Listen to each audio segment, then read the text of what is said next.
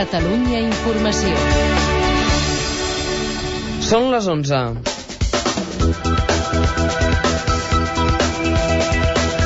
Sony acomiadarà 275 treballadors de la fàbrica de Vila de Cavalls i congelarà el sou a la resta de treballadors. SEAT anuncia més suspensions de contractes per a 5.300 treballadors més de la planta de Martorell. Uns i altres aleguen caiguda de vendes. El govern central assegura que l'estafa del financer Madoff tindrà poc impacte als comptes de les entitats espanyoles. De moment, cinc bancs han admès estar-hi vinculats de manera directa o indirecta. Els socialistes catalans votaran a favor dels pressupostos de l'Estat per l'any que ve, però avisen que si no hi ha acord de finançament, la relació amb el PSOE no serà com fins ara. La velocitat als accessos de Barcelona serà variable segons la contaminació i les retencions. El límit màxim podrà baixar dels 80 km per hora actuals fins a arribar als 40. El sistema s'implantarà al gener a l'autovia de Castelldefels i l'autopista del Garraf i després de l'estiu s'ampliarà a la resta de carreteres. Renfe deixarà fora de servei l'estació del Passeig de Gràcia de Barcelona durant 12 dies de Nadal a Reis per les obres que s'hi faran al túnel. Tots els trens de Rodalies i regionals que hi passin acabaran el recorregut en altres estacions. La mare de l'Alba va reaccionar amb indiferència quan li van dir que la seva filla estava clínicament morta, segons han declarat els metges i els Mossos. El pare biològic de la nena ha descrit l'acusat com un home violent que l'havia amenaçat alguna vegada. Joan Manel Serrat presenta el seu cançoner oficial, Algo Personal. Recull totes les cançons, una autobiografia i fotos del cantant. I el temps, aquesta nit encara es mantindran alguns ruixats que seran sempre febles i dispersos i més probables cap a la costa i al nord-est. La cota de neu fora del Pirineu anirà pujant cap als 900 metres.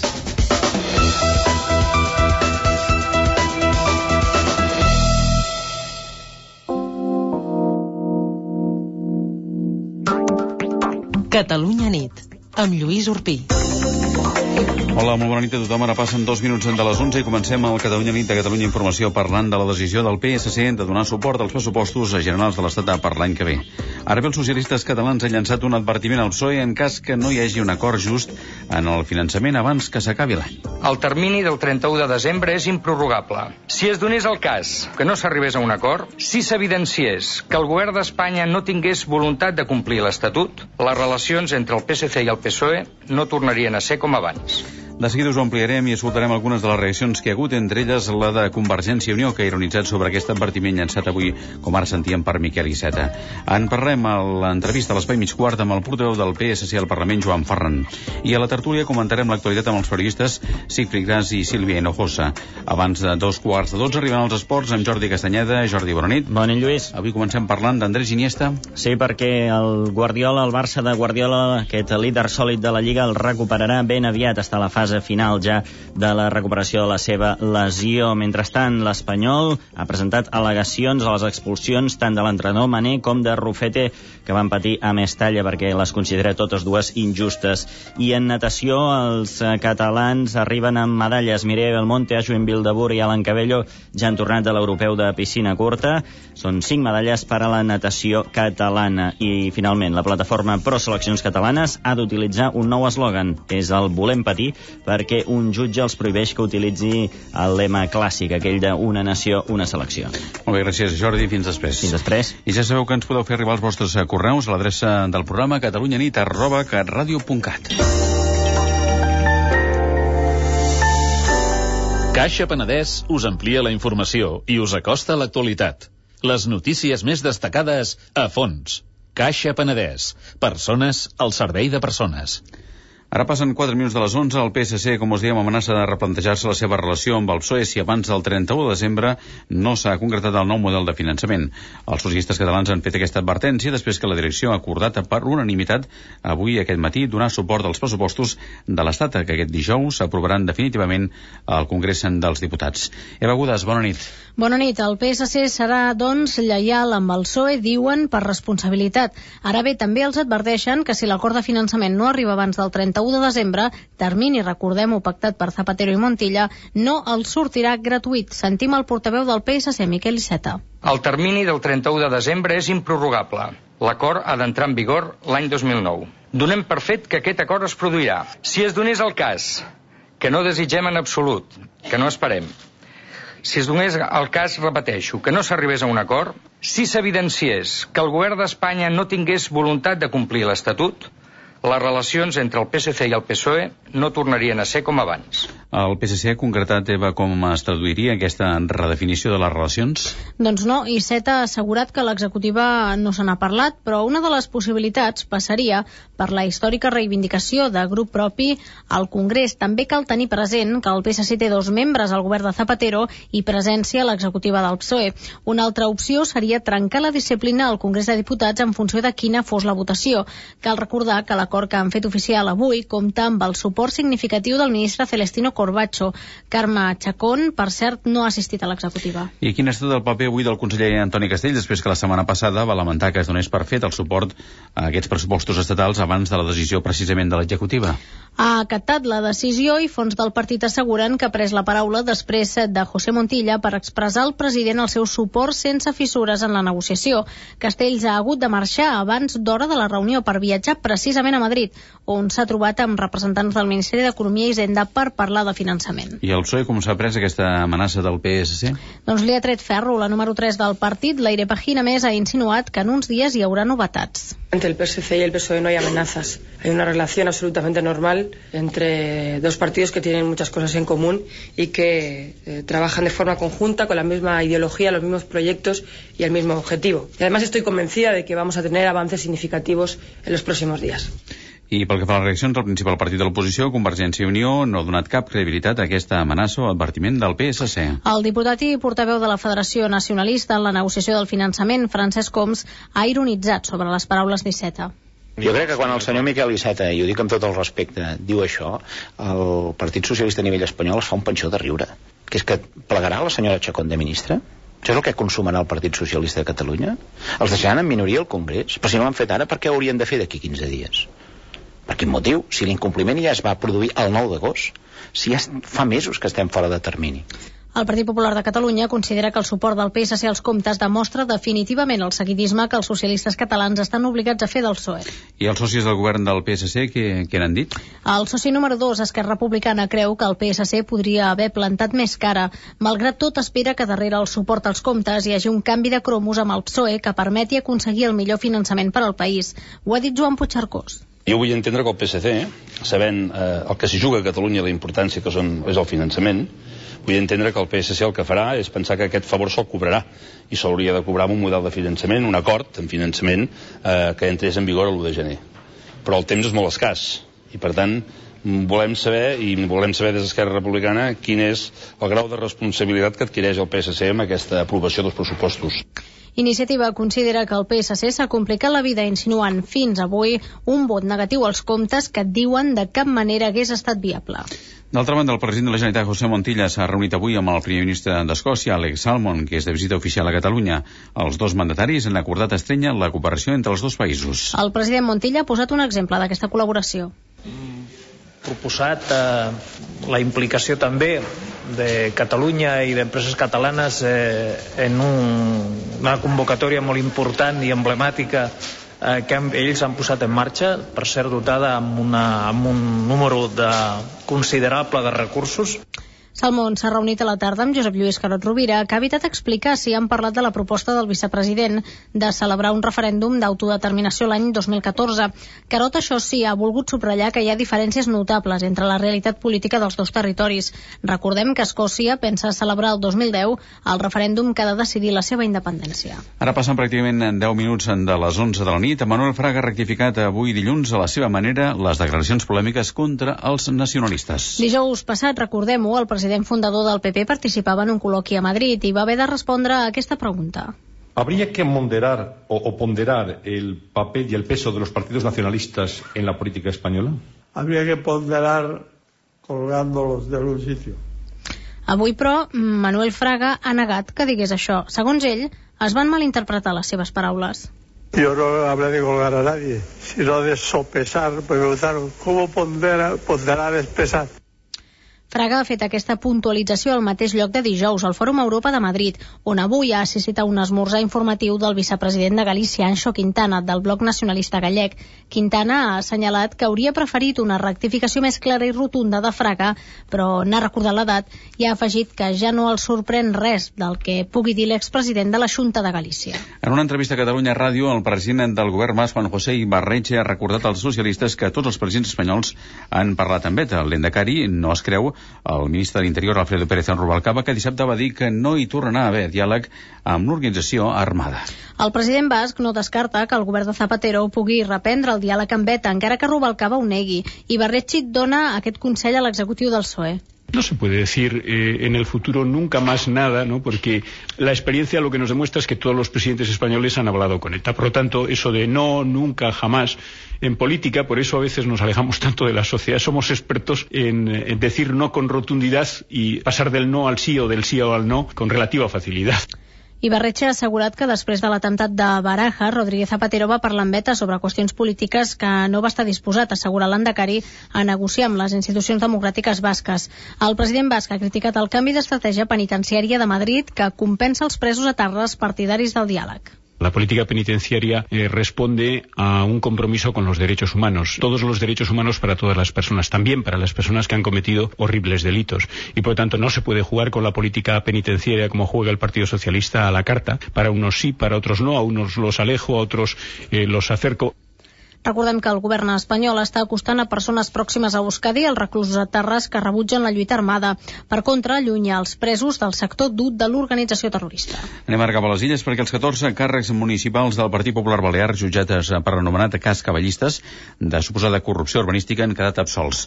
El Tribunal Superior de Justícia de les Illes creu que hi va haver irregularitats administratives però no infraccions penals. Crònica des de Palma de Sara Riera. Sara, bona nit. Bona nit. El jutge ha desestimat totes les penes que sol·licitava la Fiscalia per als 14 processats en considerar que si bé van signar documents il·legals mentre exercien d'alcaldes i regidors, aquestes accions no són prou greus com perquè calgui castigar-les per la via penal. Estaven acusats d'haver format part d'una trama de falsificació de documents per afavorir la regularització del xalet de l'exalcalde de Ses Salines, Sebastià Vidal, a través d'una entitat suposadament falsa que ell mateix hauria registrat com una agrupació hípica. Avui l'advocat de la majoria dels imputats Rafael Parera deia que la sentència és justa. Ha dictado una sentencia totalmente justa porque ha comprendido que se trataba de un tema que fue desorbitado, eh, totalmente desmadrado, que se trataba, se dijo en términos coloquiales, una chorrada. La Fiscalia estudia ara recórrer la sentència al Tribunal Suprem. Gràcies a Palma Sala Riera. Mentrestant, parlem també d'Esquerra Unida Alternativa, que fa una lectura positiva de l'elecció del nou coordinador general del partit a nivell espanyol, Caio Lara. Tot i que el seu candidat era el català Joan Josep Noet, esperen que el nou líder recondueixi la divisió interna del partit i aposti per la pluralitat. Ignasi Abad, bona nit. Bona nit. El líder d'Esquerra Unida i Alternativa assumeix Caio Lara com el nou coordinador d'Esquerra Unida a nivell espanyol, tot i que recorda que no era el seu candidat. Jordi Miralles creu, però, que el substitut de Gaspar Llamazares mantindrà una visió plural d'Espanya i plenament respectuosa amb l'Estatut. I el nou coordinador d'Izquierda Unida no es diu coordinador general, sinó que es diu coordinador federal. Per tant, per la política, per l'estructura orgànica i també pel que és la seva responsabilitat, doncs Izquierda Unida continuarà compromesa amb allò que és una visió de l'Estat plural, plurinacional per nosaltres, compromesa com va estar doncs, amb la defensa de, de l'Estatut. Miralles vol destacar que la nova figura de coordinador d'Esquerra Unida compartirà direcció amb Rosa Aguilar i el senador català Joan Josep Nuet i que la nova etapa d'EU acabarà amb la lògica d'enfrontament intern que hi ha hagut els últims anys. En aquest sentit, deia Miralles, EU ja contribuirà des de la lleialtat a enfortir Esquerra Unida Federal. Gràcies, Ignasi. Convergència i Unió, en últim punt, aporta el projecte de llei de l'Autoritat Catalana de la Competència al Consell Consultiu. El grup parlamentari de la Federació Nacionalista considera que aquest projecte de llei redueix les funcions decisòries al Tribunal Català de Defensa de la Competència tal com estipula l'Estatut. Ho afegeix, que retallen funcions en matèria consultiva, de promoció i de foment de la competència. A més, la Federació considera antiestatutari que el projecte de llei no atorgui un règim de dedicació exclusiva als membres d'aquest tribunal i, per tant, li resta independència.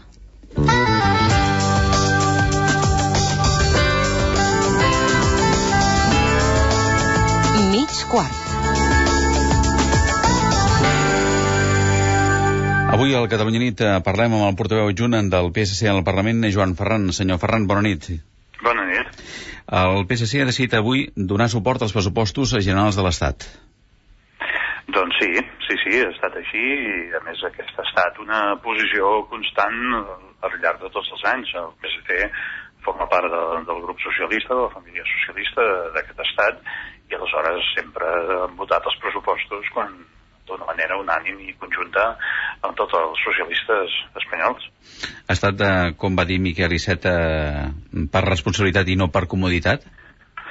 Ha estat per responsabilitat, perquè nosaltres hem fet un balanç de, sobretot del que implicaria renunciar a aquests pressupostos. Vostès saben que hi ha unes partides molt importants i molt interessants i quantioses d'inversió a, a Catalunya, però no sols un criteri de caràcter econòmic quantitatiu, també hi ha un criteri polític. Nosaltres sabem que una votació adversa amb aquests pressupostos implicaria segurament un daltabaix polític a tot l'Estat i segurament un, una situació que afavoriria la política del Partit Popular. És a dir, que quan prenem aquesta decisió, que ja venia presa endavant per fer un temps, eh, pensem en la doble vessant, la vessant d'interessos econòmics i polítics i de Catalunya i el, el barrar al pas el que podria ser una, una regressió a una situació anterior no desitjable i generalment més perjudicial pel, pel país. Això no vol dir que no tinguem en l'horitzó i en la nostra preocupació aconseguir un finançament per Catalunya com el que creiem que és just, com el que marca l'Estatut, com el que estem reivindicant des de, des de fa molt de temps. Mm. Eh, el que li hauria de comentar és que donaran suport a aquests pressupostos sense saber com es resoldrà aquest tema del finançament. Bé, el finançament eh, sabem i nosaltres desitgem que abans del 31 de desembre tenir una solució, tenir una proposta que sigui acceptable, no una proposta qualsevol, sinó una proposta que s'ajusti realment al que el país necessita i confiem que, que el president del govern doncs, eh, el que ha dit de forma reiterada moltes vegades ho, ho compleixi i en aquest sentit doncs, desitgem, volem, esperem i estem convençuts que així serà, que tindrem un, un, un finançament eh, adient i convenient i que podrem acceptar-lo sense cap tipus de problemes, amb totes les petites discussions que es vulgui sobre algun que altre servei, però en lo fonamental doncs, que doni satisfacció al que, al que cal fer en el país. Hi ha confiança plena en el PSC que es pugui arribar a un acord abans del 31 de desembre? Hi ha molta confiança en que es pugui arribar a un acord. Eh, també ens hem lamentat de que doncs, això s'hagués pogut produir abans. Hagués estat desitjable i bo que es produís abans. Som conscients també de les dificultats, de la situació econòmica, de, de tot un seguit d'inconvenients col·laterals que hi ha hagut doncs, amb la intervenció eh, moltes vegades intentant la trencadissa dels nostres adversaris polítics, en fi, que tot són circumstàncies que, que van acompanyant aquest tipus de, de negociacions que moltes vegades precisen pues, rigor, una, una certa discreció i molta serietat però malgrat tots aquests entrebancs i aquestes insatisfaccions que hem tingut, que les hem tingut, doncs confiem i esperem que abans del 31 de desembre puguem tancar un acord satisfactori. Per què des del PSOE no s'ha agilitzat més aquesta qüestió? Jo crec que, home, jo no... no m'és difícil posar-me la pell de, del PSOE, però jo crec que des d'allà hi ha una perspectiva que no és estrictament només la catalana. Nosaltres veiem des de la nostra visió, que és justa, que és dir, hi ha una llei i cal complir-la, i això és, és impapinable que té que ser així. Hi ha un estatut i volem complir-lo, i desitgem, i sabem que, que perquè tot funcioni doncs necessitem el finançament i l'autogovern en què ens hem dotat i que ha votat el poble de Catalunya. Però, clar, la lògica governamental d'un govern central, doncs, suposo que té en compte les altres circumstàncies que en aquests moments hi ha a l'Estat, no? que és una crisi econòmica preocupant, unes, unes altres comunitats autònomes que també juguen les seves, les seves cartes i que volen i que s'emmirallen sempre eh, moltes vegades i sovint amb allò que Catalunya demana o diu o escriu o planteja en els seus estatuts i suposo que la barreja d'aquestes qüestions més eh, doncs el, desig que sempre té el que reparteix de tenir el control de la, de la maquinària, doncs ha dificultat una miqueta doncs, arribar a un bon acord. També hi ha una altra qüestió. Si haguéssim acceptat qualsevol cosa, segurament en aquests moments l'acord estaria tancat. I jo crec que precisament la part negociadora catalana és ambiciosa, planteja el que cal i el que necessita el país i és per aquesta raó de que no hi ha un acord. Si nosaltres ens confirméssim en quatre duros, permet l'expressió, doncs és molt probable que, que el sistema estaria tancat. Però no és així. Uh -huh. Volem el que és de justícia, el que necessita el país, el que diu l'Estatut, i el que desitgem per poder funcionar amb uns mínims de qualitat de vida per tots els ciutadans i ciutadanes de Catalunya. I en aquest sentit aquí està la dificultat, però insisteixo que som optimistes en el sentit de que creiem que, que tenim encara un marge suficient de temps doncs, per poder tancar poder tancar aquest cercle. Avui el conseller Castells també ha estat a Madrid. Com podríem eh, definir de com estan les negociacions en aquests moments? Bé, les negociacions es porten amb un nivell de discreció molt gran.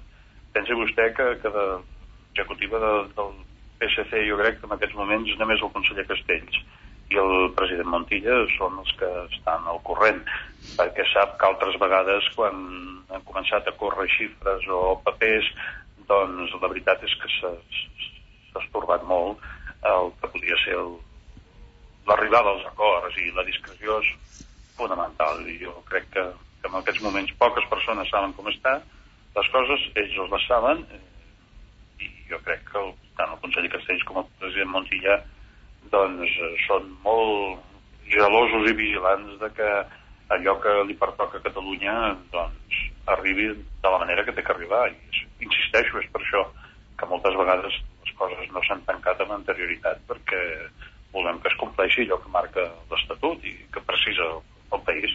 Mm.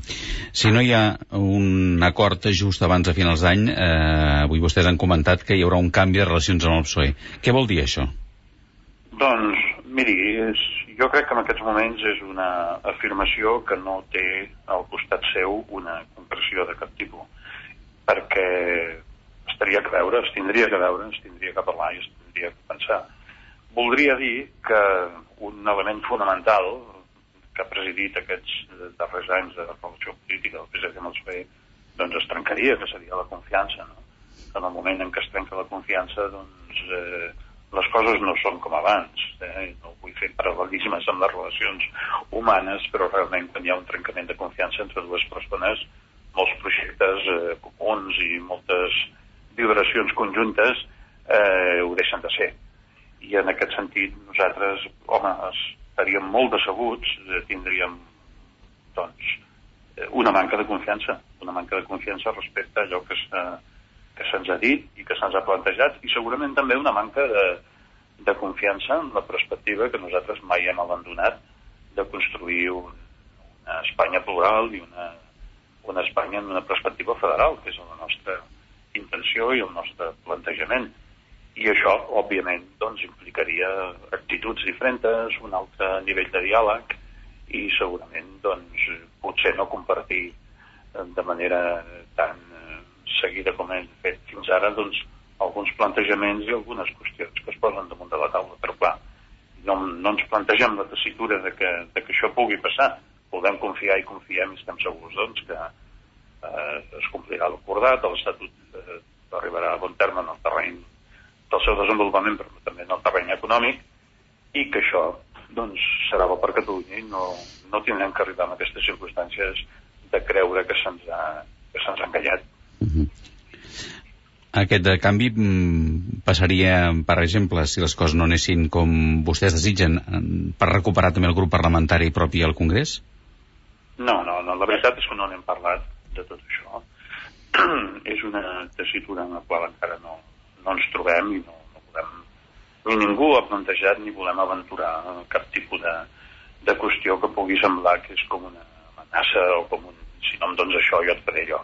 No, simplement és la constatació de que si no hi ha un acord i si no s'arriba a una circumstància de relació i de confiança mútua òptima doncs moltes coses que fins ara havien funcionat doncs grinyolaran.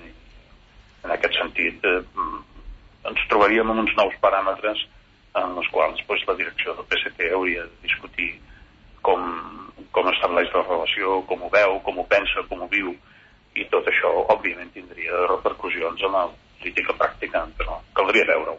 Ara és prematur dir això perquè no, no ens posarem la mena de la ferida, òbviament.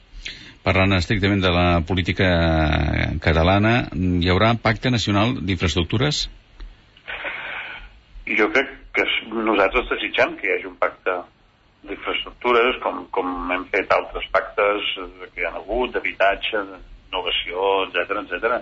La política del, del govern en aquests moments és una política d'arribar a grans acords amb els grans temes de país, amb totes les formacions polítiques, arribar a un gran acord amb la llei d'educació, arribar a grans acords. Pensi vostè que, que del, del temps que portem de legislatura, unes s'han fet d'aquesta legislatura més d'una trentena de lleis, de les quals, malgrat una relació que no sempre és dolça i fluida amb el principal grup de l'oposició, amb Convergència i Unió, doncs eh, Convergència ha donat suport, en última instància, gairebé una vintena d'aquestes 32 lleis, 19 o 20 lleis les han votat afirmativament. I això no és casualitat, o sigui, no és per la bondat només de Convergència i Unió, sinó també per una voluntat política per part del govern d'anar trebant acords en la mesura del que sigui possible en benefici del país. I la política de pactes jo crec que s'inscriu en aquesta dinàmica de voler eh, avançar plegats en, en molts temes, en temes de desenvolupament però en, té, en temes centrals de, de, de lleis que són beneficioses pel país. Una última qüestió, parlant també de pactes, i el pacte per la immigració, podríem dir que ja és a tocar? Sí, el pacte per la immigració és, és un d'aquests pactes, que creiem que és important. És un pacte molt, molt delicat, eh, en el qual, doncs, delicat per, les, per, per moltes qüestions, per conseqüències de tipus social, per conseqüències de tipus de cohesió eh, de la ciutadania, per conseqüències d'integració en el millor sentit de la paraula, de política lingüística, i jo crec que es té que, que és un pacte que, que es té que elaborar d'una forma molt, molt ben trebada, molt ben trebada, perquè ens hi juguem moltíssim. Sobretot és d'aquells temes en els quals la població hi ha una sensibilitat especial i tot el que no es faci ben fet, d'acord, i sigui utilitzat d'una manera, diguem-ne, matossera o barrovera per part d'algú, podria eh, ser perjudicial per la, per la bona convivència de la ciutadania. Per tant, que ser, jo crec, un acord molt, molt ben treballat. Senyor Joan Ferran, gràcies per atendre'ns i molt bona nit, que vagi molt bé. Doncs molt bona nit i gràcies.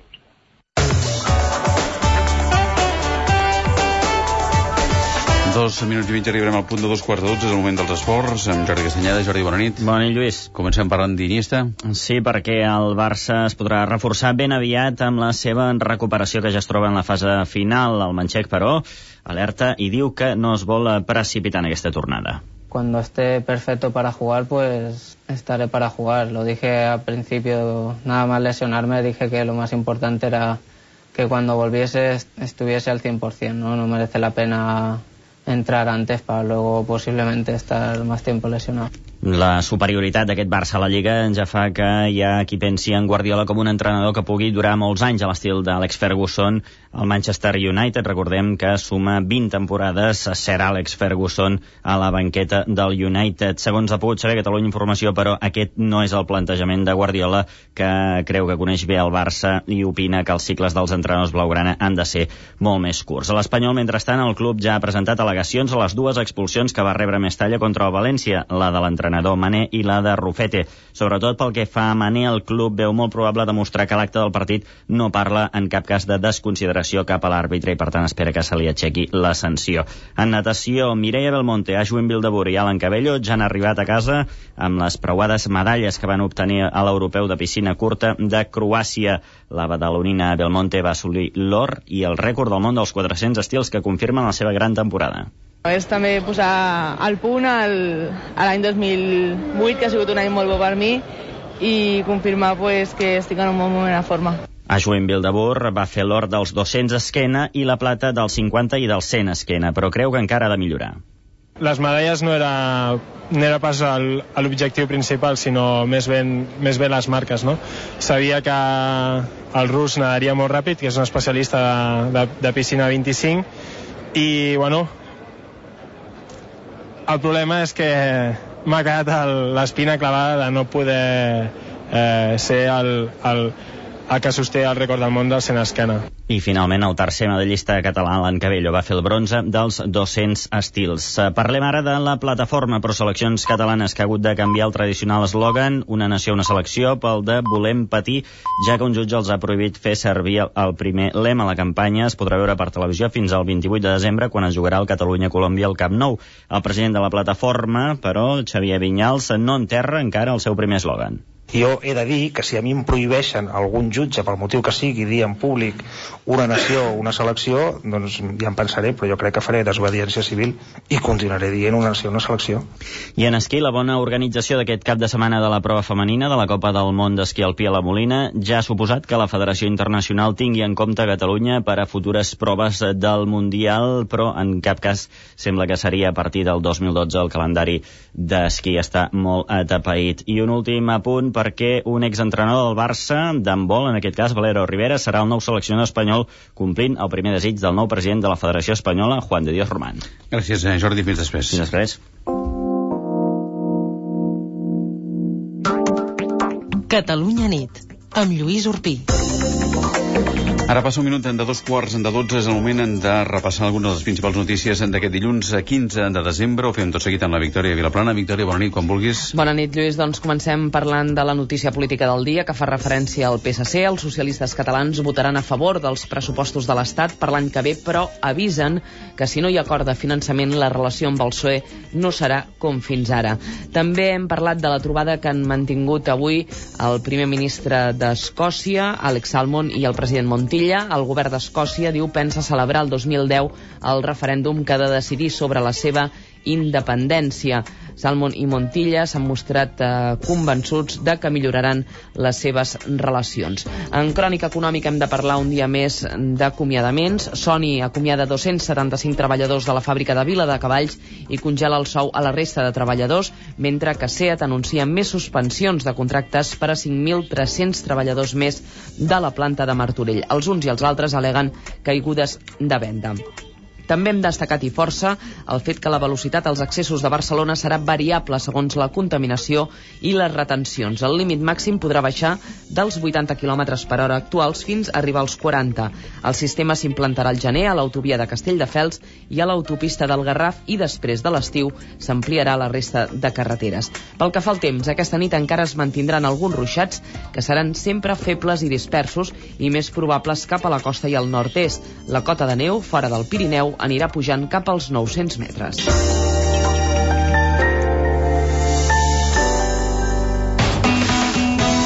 Bona nit.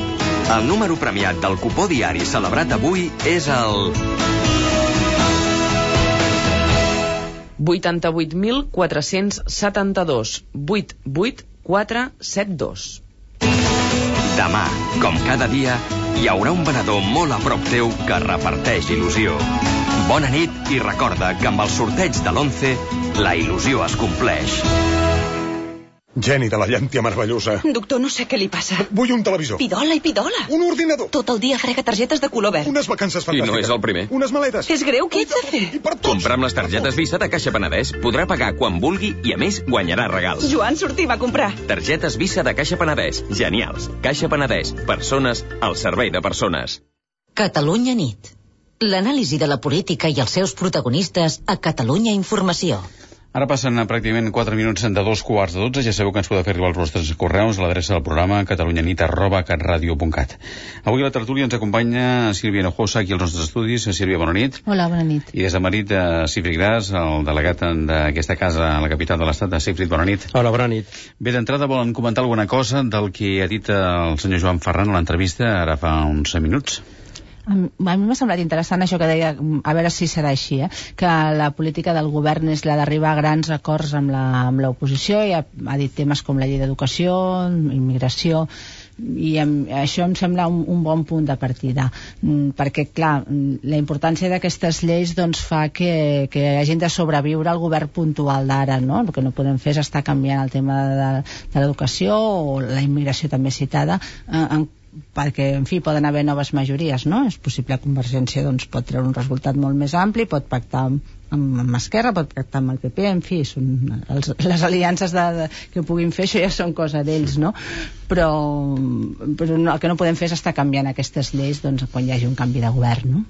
Sí, amb això estic d'acord, vull dir, els, els, els governs i l'oposició intenten sempre arribar a grans pactes i, bueno, això passa tant a nivell català com a nivell espanyol i està molt bé, i de fet hauria de ser sempre així, el problema és que això passa en funció de la conjuntura política, és a dir, exemple més en el terreny espanyol, ara estan d'acord amb el tema antiterrorista, estan tots d'acord en el tema antiterrorista és un tema, i això estan d'acord el Partit Popular, el Partit Socialista, com el tema de l'immigració, totes les forces polítiques de Catalunya i també d'àmbit espanyol, no?, de que és molt important arribar a un pacte i anar de la mà. El problema és que quan hi ha un interès polític darrere es deixa d'anar de la mà. I això, lamentablement, em sembla que és el que podem trobar molts exemples, que, que és el que ha passat fins fa molt poc amb terrorisme eh, a nivell espanyol i és el que Déu, o sigui, jo espero no passi a Catalunya en temes tan importants com els que hem parlat, no? que és la immigració i l'educació, vaja. Mm -hmm. I pel que fa al tema del, del, la votació dels pressupostos i el, i el tema del finançament, què en pensen del que he dit? Sí, jo amb, amb aquest tema, a veure, jo és que no m'ho crec massa, no? Vull dir, a veure, això del canvi de relacions amb el Partit Socialista jo no sé què, ben bé què vol dir, no? És a dir, a veure, imaginem que, eh, que no hi ha un acord en finançament, no? que, que per cert, dubto que hi hagi un acord tancat abans que acabi l'any, que és la data prevista, però vaja. Aleshores, què, què, fem? Què vol dir un canvi de relacions? Se'n va cadascú pel seu costat? Això de ja no tindrem confiança, no tindrem confiança, però, a veure, tots som conscients que eh, el Partit Socialista de Catalunya i el Partit Socialista d'Espanya es necessita mútuament. Aleshores, eh, eh, no, no, no entenc jo un escenari de no arribar a un acord en finançament. I això de la mateixa manera que no em crec aquesta amenaça fictícia, em sembla bé, perquè està bé recordar-li a Zapatero, que depèn d'ell, però també em sembla que eh, estem parlant d'un escenari on a Zapatero no li queda més remei que arribar a algun tipus d'acord en finançament i que sigui bo per Catalunya, perquè és que no, no, no, no, és, no, no és possible pensar una altra cosa. O sigui, imaginem que d'aquí una setmana ja no pot ser finançament que es veu que és inacceptable, no? Partir d'aquí, això sempre ens mourem amb uns marges del que és acceptable o no, però vaja, què fa el PSC? O sigui, abocaria el PSC a una situació que seria dolentíssima pel PSC però també pel PSOE, no? I que això és el que em fa pensar que, que com és molt típic també de Zapatero, en algun moment sortirà, acord, no n'hi haurà de moment, però en algun moment, aquests dies que venen, hi haurà algun gest cap a Catalunya que ens permetrà saber que hi ha un acord que anirà més o menys bé en les pròximes setmanes. I salvar-li una mica la cara, no?, al PSC. Sí, és que, sí, sí, és, sí no, els socialistes catalans ho tenen molt complicat, eh, realment, perquè, home, l'única diferència que jo veig d'avui respecte a tots els anteriors alçades de veu és que avui han fet una declaració per escrit, que és una cosa com una mica més formal. Jo no sé, Sigfrid, si tu tens la memòria, potser si n'havien fet alguna altra, però potser posar-ho així en paper Sí, no, és, vaja, és que jo recordo fer un document com a tal de... No, mm. jo recordo moltes declaracions seves de, de, sí. de, de, des de que Montilla va dir això de t'estimo però t'estimo més Catalunya sí. o coses d'aquestes sempre... o quan va anar a Madrid també eh, que sí. va parlar del risc de desafecció Exacte. també allò va ser molt solemne el sí. que va fer no? portem molts mesos Sílvia, com dius, parlant d'aquestes coses no? però és que mm. clar, a veure, és que eh, estem a dia 15 i estem parlant d'una cosa del 31. Sí, sí, sí, no, sí. No, no tenim... No queda massa marge, diguéssim, eh? No, sí, jo crec que és que estem parlant de... Jo crec que ara per ara la realitat és que l'acord com a tal abans del 31 és impossible. Sí. Què demana el PSC i què s'està pensant fer Moncloa? I és un gest cap a Catalunya.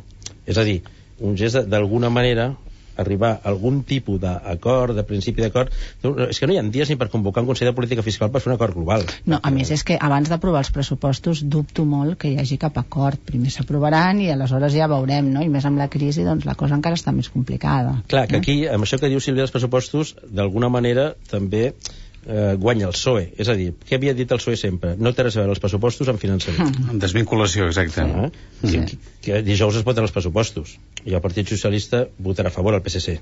Sí, no pots fer una altra cosa, tampoc. Exactament, és, és, és que estem parlant, vull dir, jo crec que de vegades ens, ens estem perdent amb una política ficció. Hmm. De, algú podia pensar en algun moment que el PSC votaria en contra d'aquests pressupostos. Però és que, no, és que no seria bo ni pel PSC ni pel PSOE, vull dir, és no. que no, no, no, no es podria entendre, no?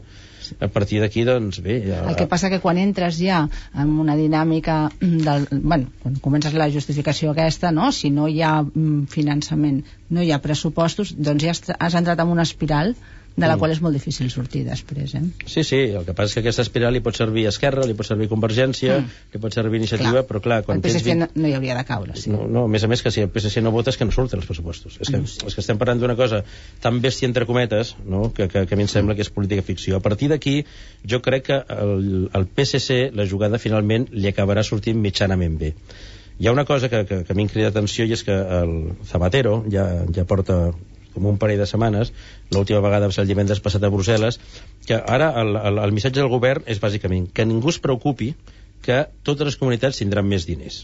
Llavors, jo això ho vull interpretar com un missatge, bueno, vull interpretar-ho jo, eh? vull dir que no vol dir que sigui així, però vull interpretar-ho com un missatge de quan Catalunya algo hagi de millorar amb la posició respecte a les comunitats, és a dir, que això de ser els tercers en aportar, tercers o segons, i novens en rebre, hagi de pujar, tindrà com una excusa de cara a les altres comunitats, no excusa, sinó dient als altres que tots guanyeu. Sí. Però jo crec, jo espero, desitjo i crec que darrere això es pot amagar mm, alguna certa avantatge cap a Catalunya que això estic segur que es produirà si es produeix, clar, finalment a partir de l'1 de gener però que abans del 31 de desembre tindrem algun gest que no sé ben bé quin serà, però de que alguna manera hi hagi com, no sé, sanificar algun principi d'acord en Catalunya, alguns trets generals, alguna cosa, no?, que permeti, doncs, salvar la cara una miqueta a tothom. La, la Leire Pajín, la secretària d'Organització del PSOE, avui deia això també és un, una mica enigmàtica perquè no ha aclarit massa, però també parlava de que hi haurà avances en els pròxims dies, clar. Uh -huh. no sé. Sí, però a Moncloa el que diuen, si és, si és que a Moncloa, en el fons, clar, és, ells ho veuen d'una altra manera, no? Perquè ells, en el fons, el que diuen és, bueno, és, que tampoc és cap drama que no arribem a un acord abans del 31 de desembre. Clar, no és cap drama quan, però, clar, quan has pactat cinc dates no? I, i no n'hi ha cap, clar, potser sí que ja comença a ser algun drama, no? I quan, quan va sumant una cosa darrere de l'altra, no? Perquè aquí ja tenim incompliments. Sí, des de Moncloa s'ho miren de manera global, no? I, Sí. i No, per tant... clar, clar ells, ells, li- ells li treuen importància, no? però bueno, Zapatero l'altre dia mateix, eh, una companya li va preguntar escolti, la data 31 que vostè va pactar i la seva resposta "Bueno, miri, és que jo home, data no li puc donar cap, vull dir que més clar ja no ho pot dir-ho eh? I la va pactar amb el president Montilla, no ho oblidem, els dos presidents, sí, eh? home, ja, i també va pactar altres dates. A veure, Zapatero les dates no són el seu fort. No. Perquè hi pacta i bé, després ja es veu, no? La, Llavors, que, la que, data eren dos anys de l'Estatut, ja. Sí, no, no, i què diu? Ell, ell ara té una altra... Li dona la volta a la truita, Sí. però ens diu, tinc quatre prioritats, no? La meva legislatura, una és l'Estatut.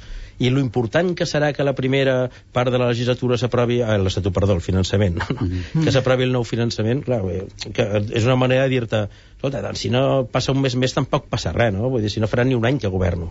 Clar, clar. No, però, clar, el que passa és que aquí estem pendents del gest del 31 i a Moncloa passen. No? És que aquí, aquí estem molt asfixiats ja, eh? Clar, clar, és que... Fa molt temps que en parlem aquí. Exacte, ja la cosa. No, home, hi ha una cosa que és veritat i és que a Moncloa el que s'hi estan pensant és que algú, alguna cosa han de fer. És a dir, el 31 saben que no el compliran però tampoc bon, se poden anar tots a vacances el dia 25 i dir, bueno, doncs au, fins l'any que ve. Fins passat res, dir, eh? al- alguna cosa han de, han de donar. Hi han dues oportunitats, les pròximes oportunitats són demà hi ha un esmorzar de Pedro Solbes aquí a Madrid i dijous hi ha el gran debat de pressupostos, no? El que passa és que l'altra reflexió que sembla que estan fent és també si aquest gest que demana Catalunya pot ser algun tipus d'anunci del Solbes o algun anunci que vagi Zapatero, no? Llavors, si el fa Zapatero, estan estudiant en quin format el podria fer. És a dir, mitjançant un, una declaració en una entrevista, mitjançant en una roda de premsa, mitjançant alguna cosa en concret, algun gest simbòlic. Bueno, però el, el problema que em sembla que hi ha realment és que em sembla que avui per avui no ho saben no, encara el que faran, però vaja. Mhm.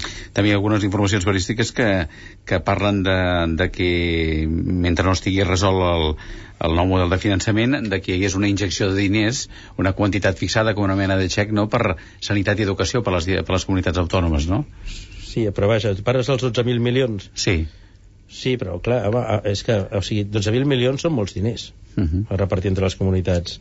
Si 12.000 milions per no solucionar-ho de cop, és a dir, fa una setmana una altra informació periodística, em sembla que era el diari Expansió, tu em parles, em sembla, una informació del diari Avui, no? Sí, sí. Doncs eh, parlava de 6.000 milions per a totes les comunitats. Avui parlem de 12.000 milions. Que és el doble. Sí, exacte, i, i sense resoldre-ho. Sí, bueno... No ho sé, no? I, i, i em, no sé, i el, i el que et diu en economia és que xifra com a tal no n'hi ha. Encara no n'hi ha. No?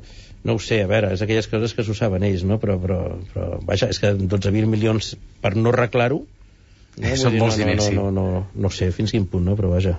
Escolta, que igual sí, eh? Vull dir que, que evidentment la informació surt d'algun lloc, vull dir que, que, que, que el que passa és que en aquest moment també tothom està una miqueta interessat, vull dir, suposo que hi ha gent a Catalunya interessada en dir unes coses, gent a Madrid amb unes altres, Economia també te'n diu unes, Moncloa te'n diu unes altres, que cadascú, no? per exemple, aquí hi ha un, una data molt significativa, és que a Moncloa i Economia no han anat de la mà a molts eh, d'aquestes negociacions del finançament, no? És a dir, mm, bueno, pues, quan Zapatero li va dir a, a Miquel Iceta fa unes setmanes que sortiria bé, doncs, doncs també bueno, li va dir que en compte el que pensaven altres del seu govern, no? aleshores a partir d'aquí i aquí al final, com sempre, qui té la decisió final acaba sent Zapatero no? i bueno, per això, com que no saps mai ben, ben bé per on et sortirà doncs ja, ja es veurà Estem fent tertúlia al Catalunya Nit, eh, arribem al punt pràcticament de 3 quarts de 12 de la nit amb Sílvia Hinojosa i Sigfrid Engras. Bé, canviem de qüestió, avui eh, ha passat per aquesta casa, ha fet declaracions al matí de Catalunya Ràdio l'Endacari Barretxe i eh, ha recordat al PSOE que tots els presidents espanyols han parlat amb beta. Eh, dissabte recordem que el ministre de l'Interior, Alfredo Pérez Rubalcaba, assegurava que no es dialogaria més amb l'organització terrorista. Com ho veuen? Home, avui fins i tot Rajoy ja ha sortit al pas no? de les declaracions que estaven tenint alguns membres del seu partit, Esperanza Aguirre i Javier Arenas, que tornaran a posar en qüestió que el, que el govern eh, potser estava tornant a negociar o amb intenció de tornar a negociar amb ETA, ja el propi Rajoy ha deixat clar que no. Vol dir que si Rajoy diu que té aquestes garanties i eh, el Ministeri Interior també ho diu, doncs sembla que de moment no està en l'ànim del, del govern negociar. Una altra cosa és que hagin fet l'apropament de presos, però eren, eren els presos que eren contraris a la, a la violència, és a dir, que havien tingut pronunciaments més eh, més, no, més conciliadors no, al contrari, és a dir, que havien estat més crítics no, amb la línia, amb la línia d'Oradeta. Per tant, jo crec que en aquest moment, per descomptat, no, no és... Si en algun moment ha sigut eh, per negociar, no és ara, perquè ara hi ha molta, molta acció policial i, en fi, està, està donant fruits de moment, no? Sí, estic totalment d'acord amb la Sílvia, això que deies Mariano Rajoy, jo ara vinc de la, de la Copa Tradicional de Nadal que feia el Partit Popular i el, el líder del PP doncs tornava a dir això, a més a més al final t'acaba dient, bueno, ja Esperanza Aguirre diu això, diu ja, si qui mana el partit sóc jo i a més a més ell diu, i a mi em consta de que no hi ha cap negociació, jo crec que no hi ha cap negociació efectivament estem en un moment que, que, que com deia la Sílvia, hi ha un, pues, una gran acció policial i el problema que deia l'Endacar hi ha una qüestió de fons que és que l'Endacar hi ha tothom parla amb ETA val? tothom parla amb ETA però de què es parla d'ETA? que és una mica el diàleg polític que hem tingut aquests últims anys és a dir, tu parles amb ETA d'una negociació política o parles de com i on deixen les armes Clar. Aleshores, eh, evidentment si ETA demà passat digués jo deixo les armes unilateralment doncs hauria de parlar de, de, de bueno, doncs, com, això com es fa no? Mm -hmm. em sembla molt, molt lícita la tàctica que està fent el Ministeri d'Interior vull dir, la frase de Rubalcaba de ETA ha tingut tres oportunitats d'acabar com a l'Ira i va acabar, I acabar com a Grapo sí. no? sí, sí. Em sembla una frase perquè a més a més em sembla que el, el Rubalcaba és especialista en desmoralitzar no? en anar dient veus, eh, no heu fotut la pota i acabareu malament, no? Que pongan otro jefe que lo estamos esperando, ¿no? Sí, sí, que pongan otro jefe que des d'avui ja l'estem buscant, no? I a l'últim ha durat tres setmanes, no? Sí. Aleshores, a partir d'aquí han optat per una via que és l'acció policial pura i dura. És la via que hi ara, la via que sembla que, que és que en el fons, d'alguna manera, eh, l'intent de Zapatero va ser molt lícit, però d'alguna manera li estan duant la raó al PP, és a dir, per la via policial i judicial a tope es pot aconseguir uns resultats eh, molt importants que estan aconseguint ara, no? A partir d'aquí, clar, alguna cosa en algun dia s'haurà de parlar amb algú, encara que només sigui per això, per dir, escolta, hi ha un partit polític que, que pot representar l'independentisme basc, això que es havia parlat ara, de la cara a les eleccions basques, de que en lloc d'ANB, doncs que és qual Cartassun d'alguna manera representés, no sé, s'haurà d'estructurar d'alguna manera, no?, tot això. Però clar, és molt diferent tenir una negociació de t'acosto presos, faig no sé què, una negociació d'escolta, mira, mm, entrega'm les armes i ja està. Per cert, que amb el tema de presos hi ha una qüestió que és, en, en el fons és un joc que fa el govern, el de costar i, i allunyar presos, quan constitucionalment els haurien de costar a tots el més possible a casa seva. Sí, bueno, és un joc clar. polític que ja fa molts anys que dura i que tampoc no, Mm -hmm. no posarem en qüestió ara, no? Mm -hmm. Molt bé. Mm, parlem ara d'una altra qüestió. Com veuen eh, aquest nou lideratge a Esquerra Unida? Eh, des d'avui, eh, Caio, Caio Lara és el nou eh, coordinador eh, general, tot i que hi ha una direcció col·legiada juntament amb en Joan Josep Noet i també amb Rosa Aguilar, però el, fins ara doncs, el candidat del Partit Comunista d'Espanya torna a ser el coordinador general d'Esquerra Unida. Com ho veuen? Com, com en l'època de Julio Anguita. Sí. Home, a Julio Anguita li va anar bé. Falta veure com... És a dir, falta veure quina unitat real pot trobar en el, nou de la, en el cent de la nova direcció d'Izquierda Unida, no? A Gaspar Llamazares mm, no li ha anat molt bé, tampoc ha tingut sort perquè el PSOE doncs, li va, va poder esgarrapar molts vots d'Izquierda Unida amb el, pel tema aquest del vot útil, no? De que no guanyés el PP, doncs el PSOE va, va agafar molt vot d'allà. Si ells fan un plantejament que puguin... Ara, amb la crisi, és possible que hi hagi molt descontent, molt, molt votant socialista descontent, que ells podrien eh, tornar a recuperar aquest vot. Jo no sé si tornar als nivells de Julio Anguita, que va tenir 20 i pico diputats, no sé si 21, però bueno, potser si tornar al 2000, al 2004, crec que en, van, en tenien 8, si no recordo malament, o sigui que Doncs... Sí, jo, jo, jo sóc més pessimista. A mi em sembla que, que, que, que Esquerra Unida tiri endavant és una cosa que aniria bé pel PSOE, és a dir, que el PSOE li va bé saber que té un partit que el vigila per l'esquerra. Ara, eh, les bufetades d'Esquerra Unida és una cosa que, que, que, que ja no entenc. Vull dir, jo crec que han fet un espectacle lamentable en el Congrés, vull dir, ara aquest home s'ha liat amb qui ha volgut per tornar a trencar Uf, és una, és una cosa tan complicada. A més a més, les primeres declaracions que fa és dient igual ens hem de plantejar una vaga general. Una vaga general, sí, veure, sí, sí. Però no sé, però tu, tu què planteges? És a dir, a veure, amb tots els meus respectes, no? Eh, tenen la força que tenen políticament. Jo crec que aquí qui s'està fregant de les mans és el Partit Socialista, perquè d'aquí tres dies es començaran a donar bufetades entre ells veure, i, i aleshores és que van, van cap a la seva autodestrucció. I, i jo l'exemple que em sembla bo és que Llamazares, que és una persona, és, és una persona que és molt d'esquerres i amazares, però és molt coherent. És a dir, és un home que vigilava des de l'esquerra, en temes mediambientals, en temes socials, en temes... Eh, i, i, mira les bufetades que han donat per tot arreu, no? Com ara vinguin amb vaga general, vaga general, qui la convoca ara? Esquerra Unida, vaga general, el PC... O sigui, em sembla que, que la, la, primera, la primera cosa que els hi vagi malament mm, em sembla que s'estan esfonsant entre ells no? i o rectifiquen molt a les pròximes eleccions generals el Partit Socialista content eh, tot l'espai se'l queden ells, cosa que em, ja dic, em sembla que seria dolent no? però em sembla que van per un camí totalment equivocat i que no s'han sabut organitzar ni, ni, ni formar un partit, una, bueno, una coalició mitjanment seriosa, no? i que el resultat d'aquestes eleccions ha estat una cosa, d'aquestes eleccions, perdó, d'aquest congrés, Mhm. ha estat una cosa totalment, eh, no sé, no? una cosa doncs, impensable, vaja, una cosa que inexplicable políticament. És que són dues formes de fer política diferents, eh? perquè una mica el que va passar aquí a Catalunya va ser això quan l'escissió d'iniciativa i Esquerra Unida Alternativa doncs era també aquestes dues ànimes que ara hi ha dins d'Izquierda Unida que és la, la part que representa més Llamazares que tu deies així una mica més ecologista i tal i després la part més dura del, del PC, del Partit Comunista que aquí estaria representat per Esquerra Unida Alternativa. Aquí Iniciativa pot fer les polítiques que fa perquè amb, amb Esquerra Unida només són coalició electoral però després funcionen com dos partits autònoms. Si clar haguessin d'estar junts jo, jo no sé si podrien estar eh, com a part d'un mateix partit dins d'una mateixa direcció, saps? Bueno, aquí van acabar malament. Potser la solució allà també seria Acabar aquesta, malament. No? Acabar malament, vull dir, fer dos partits i que un dels dos sortís endavant, no sé. Mm, I això, de, de, de retruc, perjudica Iniciativa per Catalunya, perquè la Iniciativa per Catalunya què et diuen ara? Ells et diuen que no en volen saber res d'Esquerra Unida, però amb la imatge que estan donant, i el que m'interessa és separar-me del tot. Però d'altra banda, també es perjudica perquè es queden sense un referent estatal. Hmm. No? I és que eh, ha el- el- el- la iniciativa amb el Izquierda Unida que ha sortit ara no tenen absolutament res a veure. Clar, No? clar, és això... això els hi complica molt. Jo crec que Esquerra Unida ha perdut la- l'oportunitat que tenien de, de, de, diguem, que passés el que va passar a Catalunya.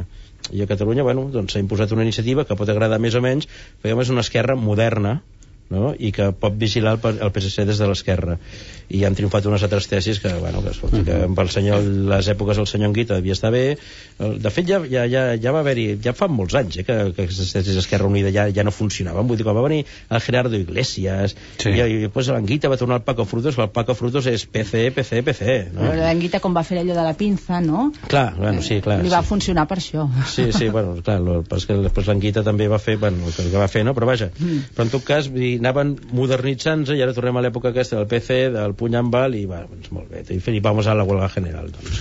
No ho sé, eh? Escolta, que igual els hi funciona, el que jo tinc els meus dubtes. no, no ho veu gens clar. Ja no ho veig gens clar, no. Estem fent tertúlia al Catalunya Nit amb Sílvia Hinojosa i Cifri Gras, la Victòria Vilobran és aquí. Victòria, bona nit. Bona nit a tots. Repassem els titulars dels diaris de demà dimarts. Hi ha alguna sorpresa, doncs alguna no, cosa molt no, Hi destacada? ha diversitat d'opinió a l'hora d'obrir, segons quina, en quina qüestió, però vaja, no, no, no. Sorpreses, la veritat és que poques. Entre els acomiadaments, diguéssim, Mm. el tema dels eh, quilòmetres per hora a Barcelona, va per aquí, i el PSC que surt gairebé als diaris catalans a tots. De finançament no hi ha res? Eh, de finan- Perquè Cada dia no sabem si hi haurà Sí, algun en surt en algun diari.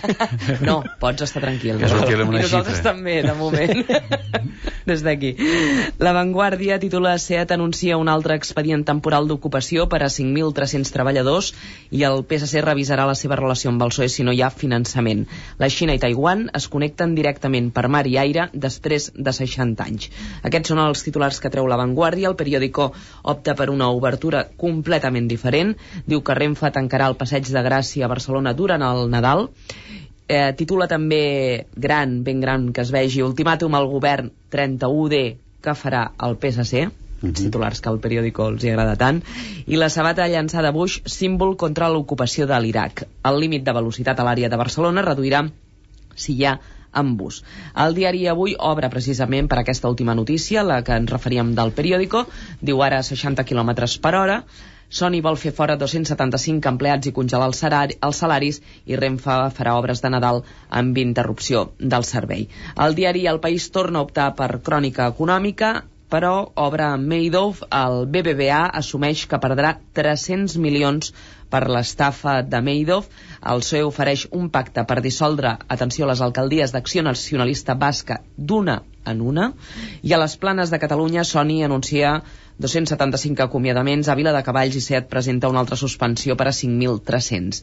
Al punt a la seva edició de Barcelona, limitació de velocitat a la carta, la llei dona 10 anys a les elèctriques per complir les exigències de la pagada i Sony afegeix 275 acomiadaments a la congelació salarial.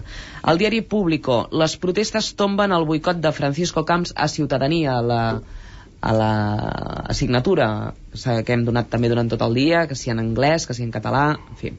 Suport ara pel llançament de les sabates a Bush i Pachi López exigeix al PSOE llibertat per pactar a Euskadi.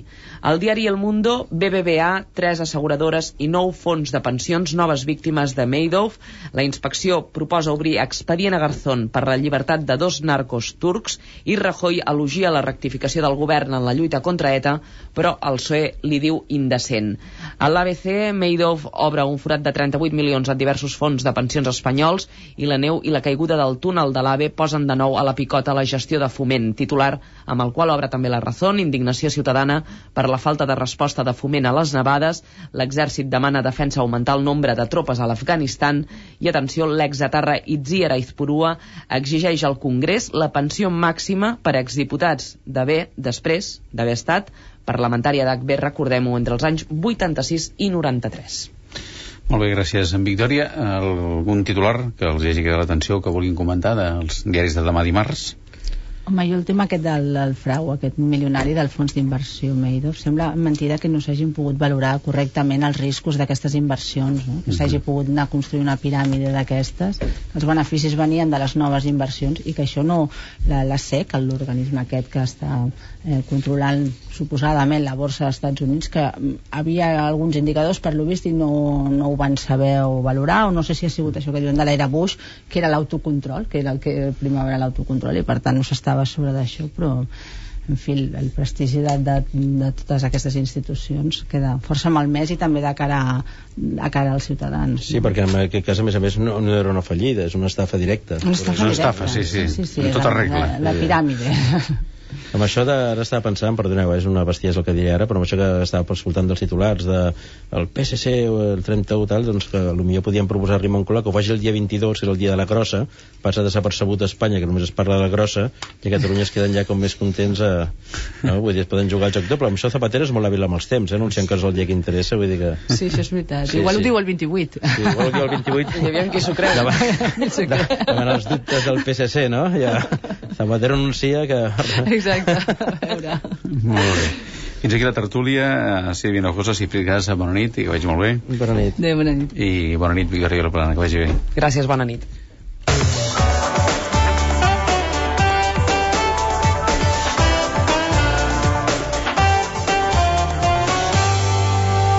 Alguns titulars de la jornada i reflexió amb Jordi Castanyeda. Jordi, bona nit de nou. Bona nit. Eh, comencem parlant d'Andrés Iniesta perquè d'alguna manera serà el eh, fitxatge d'aquest hivern del Barça. Ja és a la fase final de la seva recuperació. Ben aviat li donaran l'alta mèdica i el Barça podrà tornar a comptar amb els seus serveis pel que fa a l'Espanyol. Ha presentat al·legacions eh, ja aquest mateix dilluns a les expulsions de dissabte de Mané i de Rufete a València. La natació catalana ja ha arribat amb les medalles de l'europeu Mireia Belmonte, Joan Vildebur i Alan Cabello ja són a casa gaudint d'aquestes medalles. I avui s'ha presentat també per part de la plataforma Pro Seleccions Catalanes el nou eslògan que han de fer servir és un volem patir perquè hi ha un jutge que els prohibeix que utilitzin el lema una nació, una selecció CIO, PP i Ciutadans van dir que aquesta una nació, una selecció transmetia un missatge polític que anava més enllà del missatge esportiu. I la reflexió, doncs, avui és per Guardiola. Després d'aquest eh, fulgurant inici de temporada, ja hi ha eh, sectors del barcelonisme que volen que sigui un entrenador tipus Alex Ferguson, aquest eh, tècnic del Manchester, l'escocès Ferguson, que porta ja 20 anys a la banqueta del club anglès. Segons hem pogut saber a Catalunya Informació, Guardiola creu que els cicles dels entrenadors del Barça han de ser força més curts. Molt bé, gràcies Jordi Castanyeda, bona nit i fins demà. Bona nit. I demà parlarem amb la portaveu adjunta d'Esquerra Republicana al Parlament, Patricia Gomà. Fins aquí el Catalunya nit d'avui, que han fet possible Begudàs, Victòria Vilaplana, Jordi Castanyeda, Marta Quera i Júlia Aparicio, la secció de política i qui us parla Lluís Urpí. Fins demà, gràcies per la vostra atenció, bona nit i molta sort.